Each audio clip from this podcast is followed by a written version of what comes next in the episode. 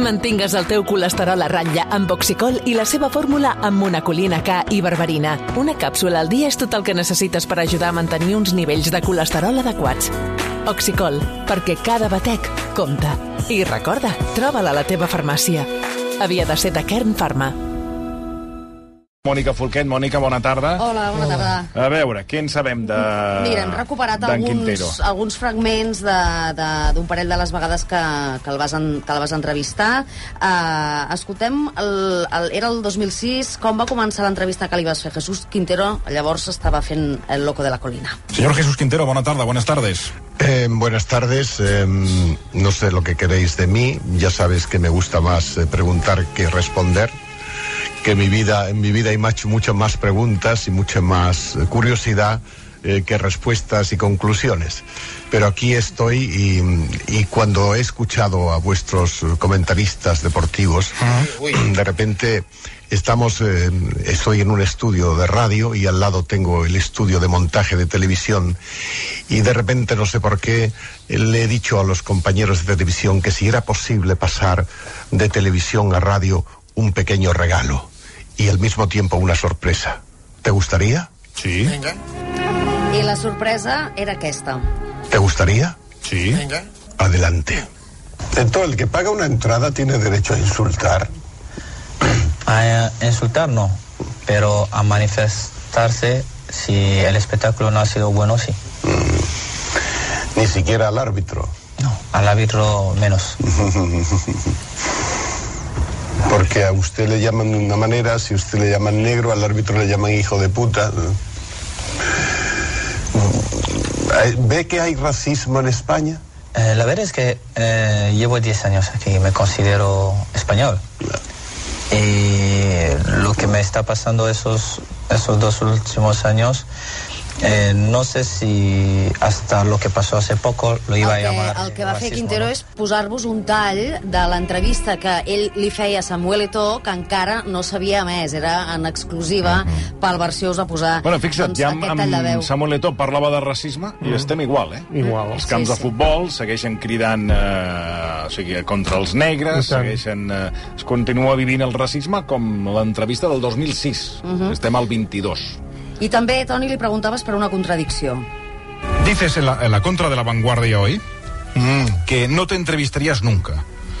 Y en cambio, en el primer capítulo de este libro es un autorretrato y en el que te entrevistas a tú mismo. Sí.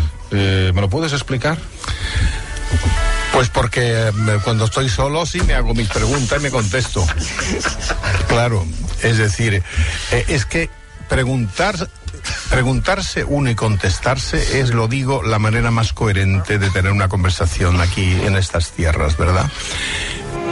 Aquí era ja el 2007, una entrevista que li vas fer amb motiu de la publicació d'un llibre, i Quintero també reconeixia i valorava que hi hagués gent que li hagués dit que no a ser entrevistada. Que tú sabes que hay una serie de personajes que no le gustan las entrevistas porque dicen que es un que son como mar como huellas dactilares en la garganta, que eh, las viejas civilizaciones decían que una fotografía te robaba el alma. Yo siento un poco también eso. Por eso admiro a los que mm, me dicen no. Mm. Lleva hoy. ¿Cuántos te han dicho no? Con Fidel llevo seis años, ¿Eh? con García Márquez llevo cuatro años. Y los llamas cada año. con Bin Laden desde que nació. con, con gente mm, del, del- del- Llevo realmente muchas entrevistas ahí pendientes desde hace aproximadamente 10 años.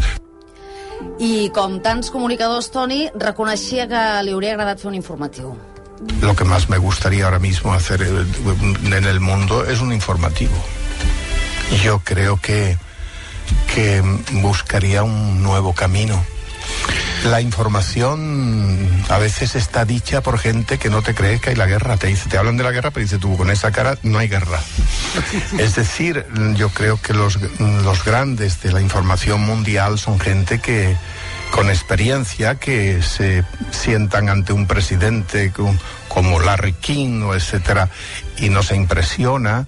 Es decir, un informativo sería para mí algo nuevo, algo nuevo y, de- y algo que llevo pensando mucho tiempo, pero no me darían esa tribuna seguro.